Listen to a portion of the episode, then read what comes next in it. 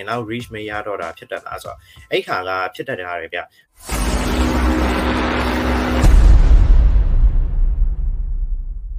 စီတူအောင်ရဲ့ main ကုန်းနှစ်ခုရှိရဲ့တခုကကြတော့ပထမလက်မှာ media ဘိုင်းကောင်းကောင်းလုပ်ပြီးအလုပ်ဖြစ်တယ်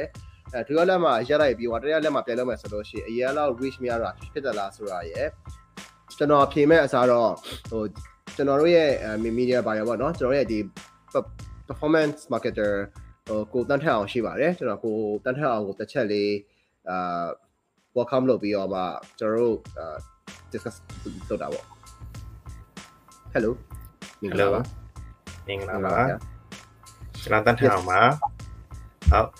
ဒီ ပထမအဦးဆုံးကတော့ page အသစ်တစ်ခုမှာပထမလမှာ media buying လုပ်ပြီးတော့ဒုတိယလမှာခဏနာပြီးတော့တတိယလမှာပြန်တော့ရင်အရင်လောက် reach မရတော့တာဖြစ်တတ်လားဆိုတော့အဲ့ခါကဖြစ်တတ်တယ်ဗျကျွန်တော်တို့ဒီတလားလောက်နားလိုက်တာမဟုတ်ဘဲနဲ့တစ်ခါလေကြာရင်15ရက်လောက်နားလိုက်ရင်တော့မှကျွန်တော်တို့ပုံမှန် run နေကြ ads account နဲ့ဒီ page အတွက်ကိုကျွန်တော်တို့ audience တွေရှိရပါတော့အဲ့ audience တွေက